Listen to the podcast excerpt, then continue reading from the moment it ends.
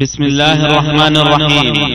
يسر شبكة الألوكة بالتعاون مع المكتبة المركزية للكتب الناطقة. أن تقدم لكم هذه المادة. تفسير سورة البقرة لابن كثير. يا بني إسرائيل اذكروا نعمتي التي أنعمت عليكم وأوفوا بعهدي أوف بعهدكم وإياي فارهبون. وآمنوا بما أنزلت مصدقا لما معكم ولا تكونوا أول كافر به ولا تشتروا بآياتي ثمنا قليلا وإياي فاتقون. يقول تعالى آمرا بني إسرائيل بالدخول في الإسلام ومتابعة محمد عليه من الله أفضل الصلاة والسلام ومهيجا لهم بذكر أبيهم إسرائيل وهو نبي الله يعقوب عليه السلام وتقديره يا بني العبد الصالح المطيع لله كونوا مثل أبيكم في متابعة الحق كما تقول يا ابن الكريم افعل كذا يا ابن الشجاع بارز الأبطال يا ابن العالم اطلب العلم ونحو ذلك. ومن ذلك أيضا قوله تعالى ذرية من حملنا مع نوح إنه كان عبدا شكورا. فإسرائيل ويعقوب بدليل ما رواه أبو داود الطيالسي حدثنا عبد الحميد بن بهرام عن شهر بن حوشب قال حدثني عبد الله بن عباس قال حضرت عصابة من اليهود نبي الله صلى الله عليه وسلم فقال لهم هل تعلمون أن إسرائيل يعقوب؟ قالوا اللهم نعم. فقال النبي صلى الله عليه وسلم اللهم اشهد. وقال الأعمش عن إسماعيل بن رجاء عن عمير مولى ابن عباس عن عبد الله بن عباس أن إسرائيل كقولك عبد الله.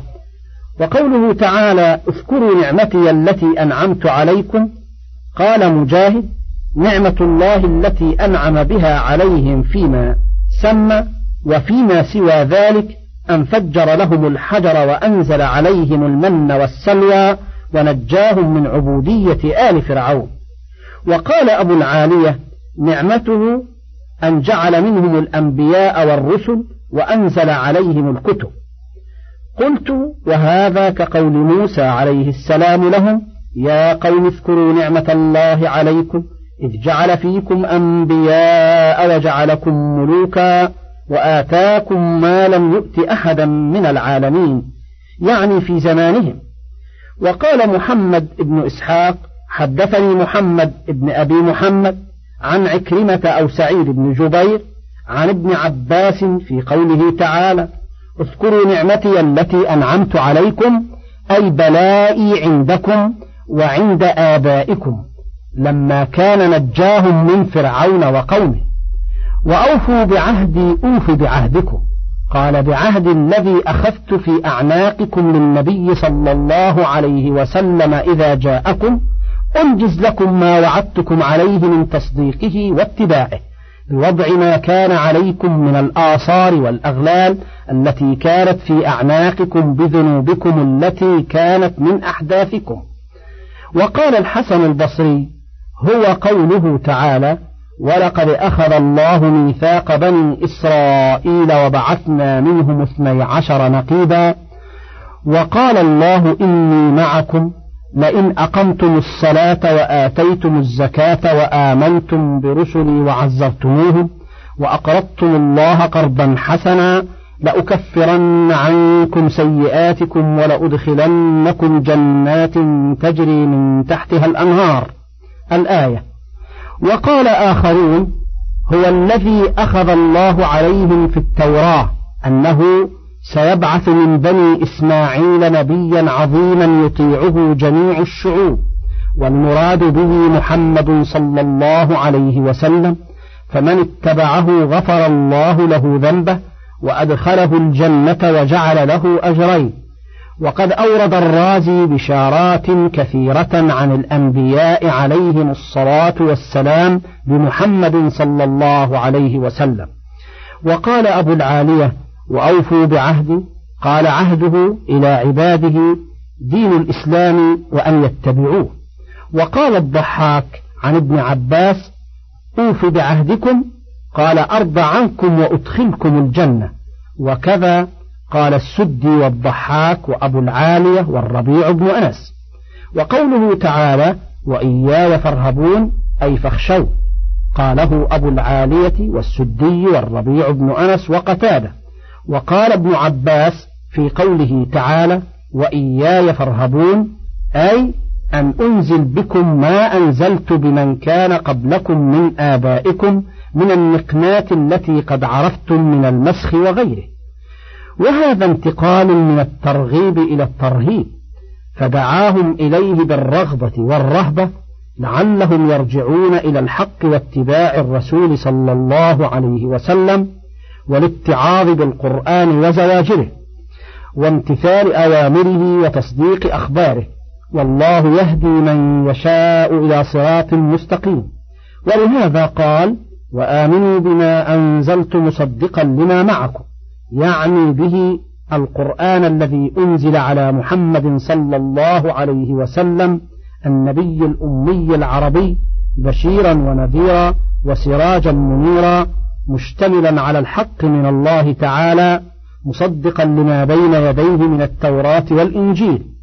قال أبو العالية رحمه الله في قوله تعالى وآمنوا بما أنزلت مصدقا لما معكم يقول يا معشر أهل الكتاب آمنوا بما أنزلت مصدقا لما معكم. يقول لأنهم يجدون محمدا صلى الله عليه وسلم مكتوبا عندهم في التوراة والإنجيل. وروي عن مجاهد والربيع بن أنس وقتادة نحو ذلك. وقوله ولا تكونوا أول كافر به. قال بعض المعربين أول فريق كافر به أو نحو ذلك. قال ابن عباس ولا تكونوا أول كافر به. وعندكم فيه من العلم ما ليس عند غيركم.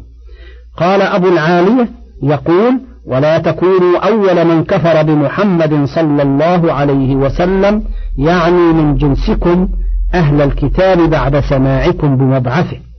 وكذا قال الحسن والسدي والربيع بن أنس واختار ابن جرير أن الضمير في قوله به عائد على القرآن الذي تقدم ذكره في قوله بما أنزلت. وكلا القولين صحيح لأنهما متلازمان لأن من كفر بالقرآن فقد كفر بمحمد صلى الله عليه وسلم. ومن كفر بمحمد صلى الله عليه وسلم فقد كفر بالقرآن.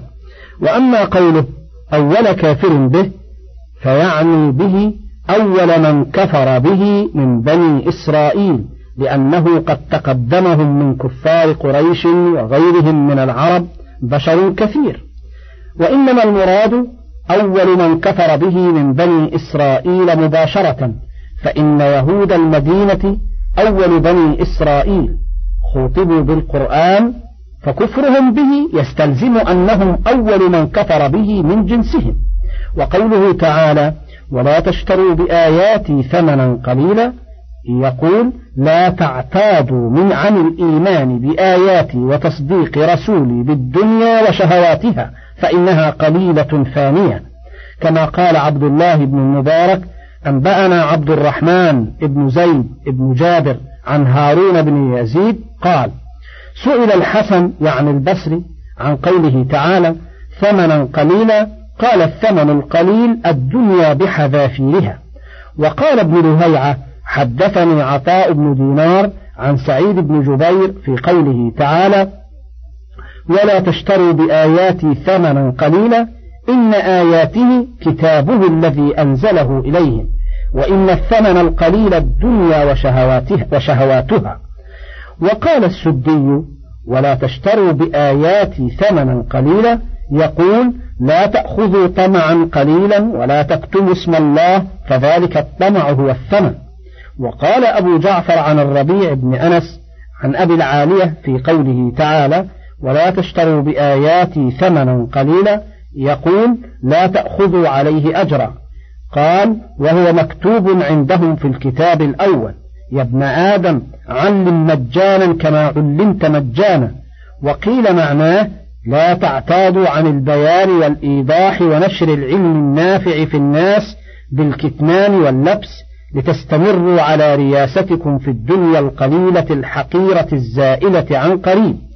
وفي سنن أبي داود عن أبي هريرة رضي الله عنه قال قال رسول الله صلى الله عليه وسلم من تعلم علما مما يبتغى به وجه الله لا يتعلمه إلا ليصيب به عرضا من الدنيا لم يرح رائحة الجنة يوم القيامة.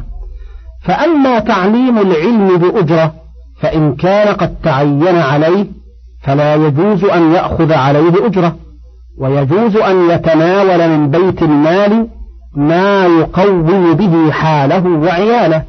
فإن لم يحصل له منه شيء وقطعه التعليم عن التكسب فهو كما لم يتعين عليه. وإذا لم يتعين عليه فإنه يجوز أن يأخذ عليه أجرة عند مالك والشافعي وأحمد وجمهور العلماء. كما في صحيح البخاري عن أبي سعيد في قصة اللذيذ إن أحق ما أخذتم عليه أجرا كتاب الله. وقوله في قصة مخطوبة زوجتكها بما معك من القرآن. فأما حديث عبادة بن الصامت أنه علم رجلا من أهل الصفة شيئا من القرآن فأهدى له قوسا فسأل عنه رسول الله صلى الله عليه وسلم فقال إن أحببت أن تطوق بقوس من نار فاقبل فتركه رواه أبو داود. وروي مثله عن أبي بن كعب مرفوعا فإن صح إسناده فهو محمول عند كثير من العلماء منهم أبو عمرو بن عبد البر على أنه لما علمه الله لم يجز بعد, بعد هذا أن يعتاض عن ثواب الله بذلك القوس. فأما إذا كان من أول الأمر على التعليم بالأجرة فإنه يصح كما في حديث اللذيذ وحديث سهل في المخطوبة والله أعلم. وقوله وإياي فاتقون قال ابن أبي حاتم حدثنا أبو عمر الدوري حدثنا أبو إسماعيل المؤدب عن عاصم الأحول عن أبي العالية عن طلق بن حبيب قال التقوى أن تعمل بطاعة الله رجاء رحمة الله على نور من الله وأن تترك معصية الله على نور من الله تخاف عقاب الله. ومعنى قوله وإياي فاتقون. أنه تعالى يتوعدهم فيما يتعمدونه من كتمان الحق وإظهار خلافه ومخالفتهم الرسول صلوات الله وسلامه عليه. ولا تلبسوا الحق بالباطل وتكتموا الحق وأنتم تعلمون وأقيموا الصلاة وآتوا الزكاة واركعوا مع الراكعين. يقول تعالى ناهيا لليهود عما كانوا يتعمدونه من تلبيس الحق بالباطل وتمويله به وكتمانهم الحق وإظهارهم الباطل. ولا تلبسوا الحق بالباطل وتكتموا الحق وأنتم تعلمون. فنهاهم عن الشيئين معا وأمرهم بإظهار الحق والتصريح به. ولهذا قال الضحاك عن ابن عباس ولا تلبسوا الحق بالباطل لا تخلطوا الحق بالباطل والصدق بالكذب. وقال أبو العالية ولا تلبسوا الحق بالباطل يقول ولا تخلطوا الحق بالباطل وأدوا النصيحة لعباد الله من أمة محمد صلى الله عليه وسلم. ويروى عن سعيد بن جبير والربيع بن أنس نحوه. وقال قتادة ولا تلبسوا الحق بالباطل ولا تلبسوا اليهودية والنصرانية بالإسلام وأنتم تعلمون أن دين الله الإسلام وأن اليهودية والنصرانية بدعة ليست من الله وروي عن الحسن البصري نحو ذلك وقال محمد بن إسحاق حدثني محمد بن أبي محمد عن عكرمة أو سعيد بن جبير عن ابن عباس وتكتموا الحق وأنتم تعلمون أي لا تكتموا ما عندكم من المعرفة برسولي وبما جاء به وأنتم تجدونه مكتوبا عندكم فيما تعلمون من الكتب التي بأيديكم. وروي عن أبي العالية نحو ذلك وقال مجاهد والسدي وقتادة والربيع بن أنس وتكتم الحق يعني محمدا صلى الله عليه وسلم. قلت وتكتم يحتمل أن يكون مجزوما ويحتمل أن يكون منصوبا. أي لا تجمعوا بين هذا وهذا. كما يقال لا تأكل السمك وتشرب اللبن. قال الزمخشري وفي مصحف ابن مسعود وتكتمون الحق. أي في حال كتمانكم الحق. وأنتم تعلمون حال أيضا. ومعناه وأنتم تعلمون الحق ويجوز أن يكون المعنى وأنتم تعلمون ما في ذلك من الضرر العظيم على الناس من إضلالهم عن الهدى المفضي بهم إلى النار. إن سلكوا ما تبدونه لهم من الباطل المشوب بنوع من الحق لتروجوه عليهم. والبيان الإيضاح وعكسه الكتمان وخلط الحق بالباطل. وأقيموا الصلاة وآتوا الزكاة واركعوا مع الراكعين. قال مقاتل قوله تعالى لأهل الكتاب وأقيموا الصلاة أمرهم أن يصلوا مع النبي صلى الله عليه وسلم وآتوا الزكاة أمرهم أن يؤتوا الزكاة أن يدفعونها إلى النبي صلى الله عليه وسلم واركعوا مع الراكعين أمرهم أن يركعوا مع الراكعين من أمة محمد صلى الله عليه وسلم يقول كونوا معهم ومنهم. وقال علي بن طلحة عن ابن عباس يعني بالزكاة طاعة الله والإخلاص. وقال وكيع عن أبي جناب عن عكرمة عن ابن عباس في قوله وآتوا الزكاة قال ما يوجب الزكاة قال مئتان فصاعدا. وقال مبارك بن فضالة عن الحسن في قوله تعالى وآتوا الزكاة قال فريضة واجبة لا تنفع الأعمال إلا بها وبالصلاة. وقال ابن أبي حاتم حدثنا أبو زرعة حدثنا عثمان بن أبي شيبة حدثنا جرير عن أبي حيان التيمي عن الحارث العكلي في قوله تعالى وآتوا الزكاة قال صدقة الفطر. وقوله تعالى واركعوا مع الراكعين أي وكونوا مع المؤمنين في أحسن أعمالهم ومن أخص ذلك وأكمله الصلاة. وقد استدل كثير من العلماء بهذه الآية على وجوب الجماعة وأبسط ذلك في كتاب وأبسط ذلك في كتاب الأحكام الكبير إن شاء الله تعالى. وقد تكلم القرطبي على مسائل الجماعة والإمامة فأجاد.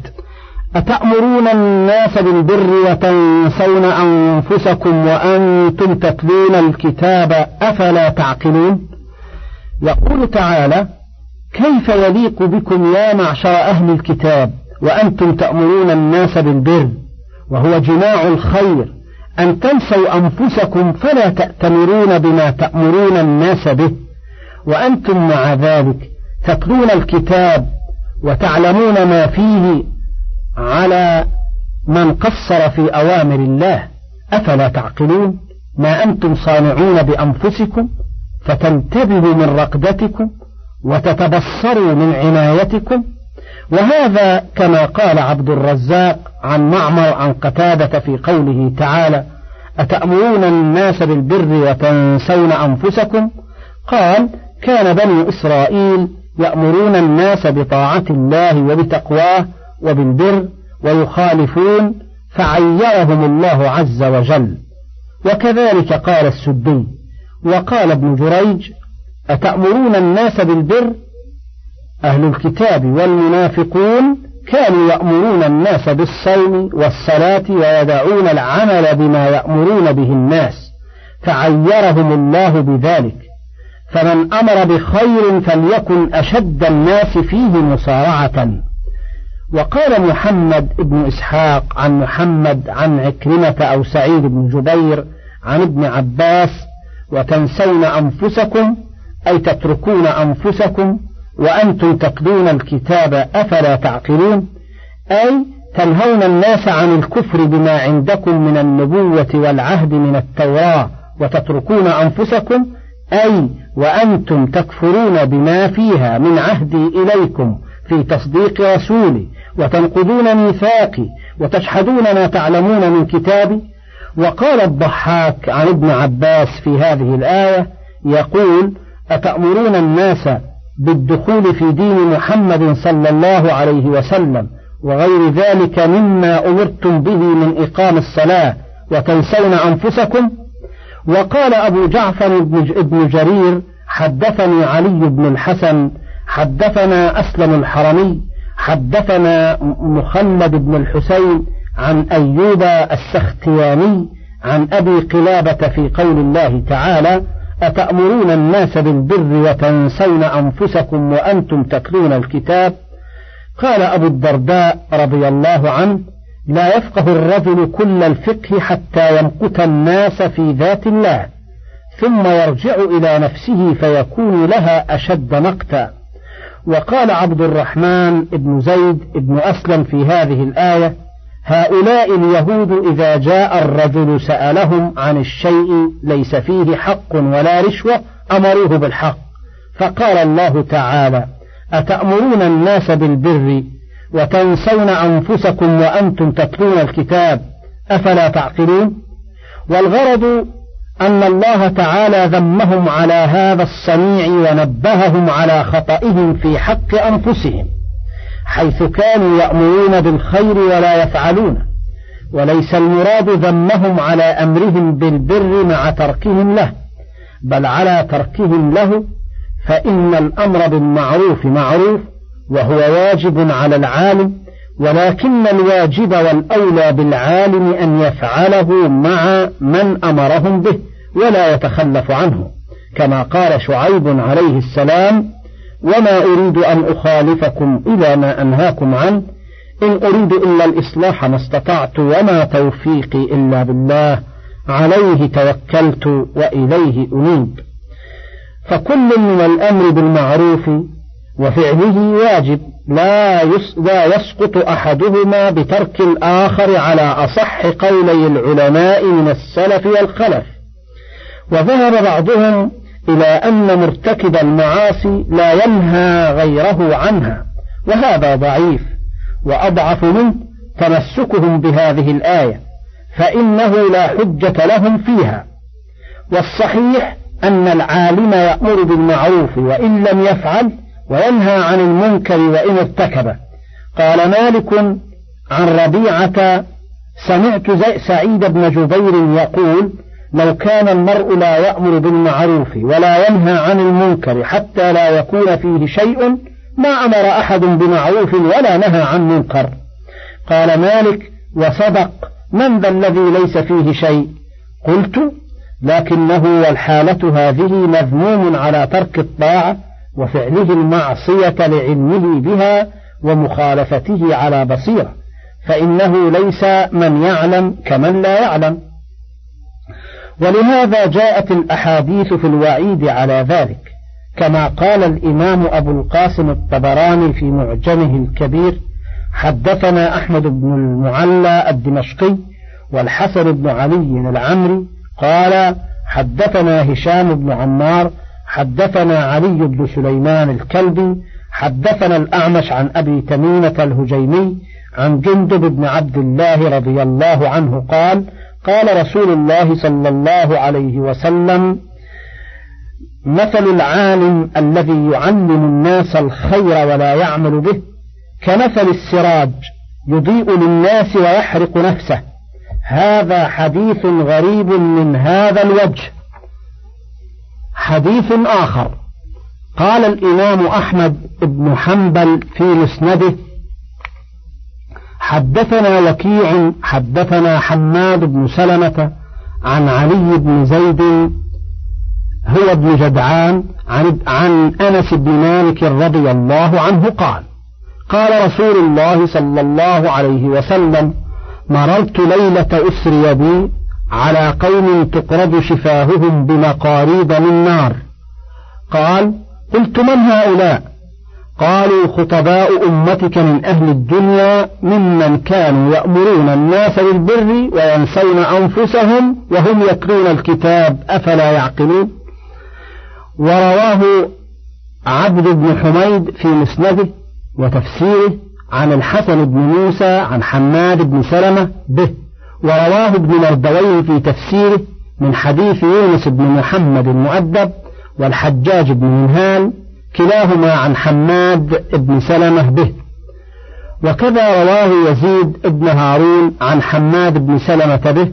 ثم قال ابن مردويه حدثنا محمد بن عبد الله بن إبراهيم حدثنا موسى بن هارون حدثنا إسحاق بن إبراهيم التستري ببلخ حدثنا نكي بن إبراهيم حدثنا عمر بن قيس عن علي بن زيد عن ثمامة عن أنس قال سمعت رسول الله صلى الله عليه وسلم يقول مررت ليلة أسري بي على أناس تقرب شفاههم وألسنتهم بمقاريب من نار قلت من هؤلاء يا جبريل؟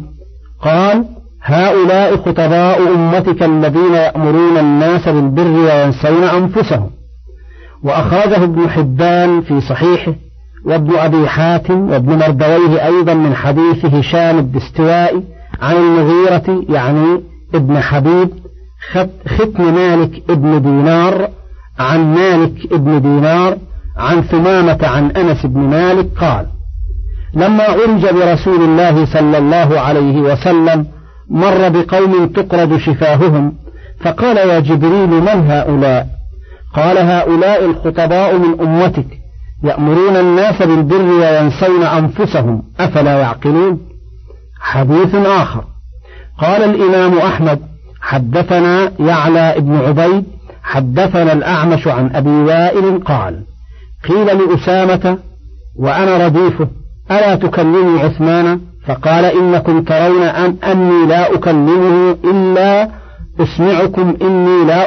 لا أكلمه فيما بيني وبينه دون أن أفتتح أمرا أحب أن أكون أول من افتتحه والله والله لا أقول لرجل إنك خير الناس وإن كان علي أميرا بعد أن سمعت رسول الله صلى الله عليه وسلم يقول قالوا وما سمعته يقول. قال سمعته يقول. يجاء بالرجل يوم القيامة فيلقى في النار فتندلق به أقتابه فيدور بها في النار كما يدور الحمار برحاه فيطوف به أهل النار فيقولون يا فلان ما أصابك؟ ألم تكن تأمرنا بالمعروف وتنهانا عن المنكر؟ فيقول كنت آمركم بالمعروف ولا آتيه وأنهاكم عن المنكر وآتيه. ورواه البخاري ومسلم من حديث سليمان بن مهران الأعمش به نحو. وقال أحمد حدثنا سيار ابن حاتم حدثنا جعفر بن سليمان عن ثابت عن أنس قال قال رسول الله صلى الله عليه وسلم إن الله يعافي الأميين يوم القيامة ما لا يعافي العلماء. وقد ورد في بعض الآثار أنه يغفر للجاهل سبعين مرة حتى يغفر للعالم مرة واحدة. ليس من يعلم كمن لا يعلم. وقال تعالى قل هل يستوي الذين يعلمون والذين لا يعلمون؟ إنما يتذكر أولو الألباب. وروى ابن عساكر في ترجمة الوليد بن عقبة عن النبي صلى الله عليه وسلم قال إن أناسا من أهل الجنة يطلعون على أناس من أهل النار فيقولون بم دخلتم النار؟ فوالله ما دخلنا الجنة إلا بما تعلمنا منكم. فيقولون إنا كنا نقول ولا نفعل. ورواه ابن جرير الطبري عن أحمد بن يحيى الخباز الرملي عن زهير بن عباد الرواسي عن أبي بكر الزاهري عبد الله بن حكيم عن إسماعيل بن أبي خالد عن الشعبي عن الوليد بن عقبة فذكر. وقال الضحاك عن ابن عباس أنه جاءه رجل فقال يا ابن عباس إني أريد أن آمر بالمعروف وأنهى عن المنكر. قال أبلغت ذلك؟ قال أرجو. قال إن لم تخشى أن تفتضح بثلاث آيات من كتاب الله فافعل. قال وما هم؟ قال قوله تعالى أتأمرون الناس بالبر وتنسون أنفسكم؟ أحكمت هذه؟ قال لا. قال فالحرف الثاني قال قوله تعالى لم تقولون ما لا تفعلون؟ كبر مقتا عند الله أن تقولوا ما لا تفعلون. أحكمت هذه؟ قال لا. قال فالحرف الثالث. قال قول العبد الصالح شعيب عليه السلام وما أريد أن أخالفكم إلى ما أنهاكم عنه إن أريد إلا الإصلاح. أحكمت هذه الآية؟ قال لا. قال فابدأ بنفسك. رواه ابن مردويه في تفسيره. من فضلك تابع بقية المادة.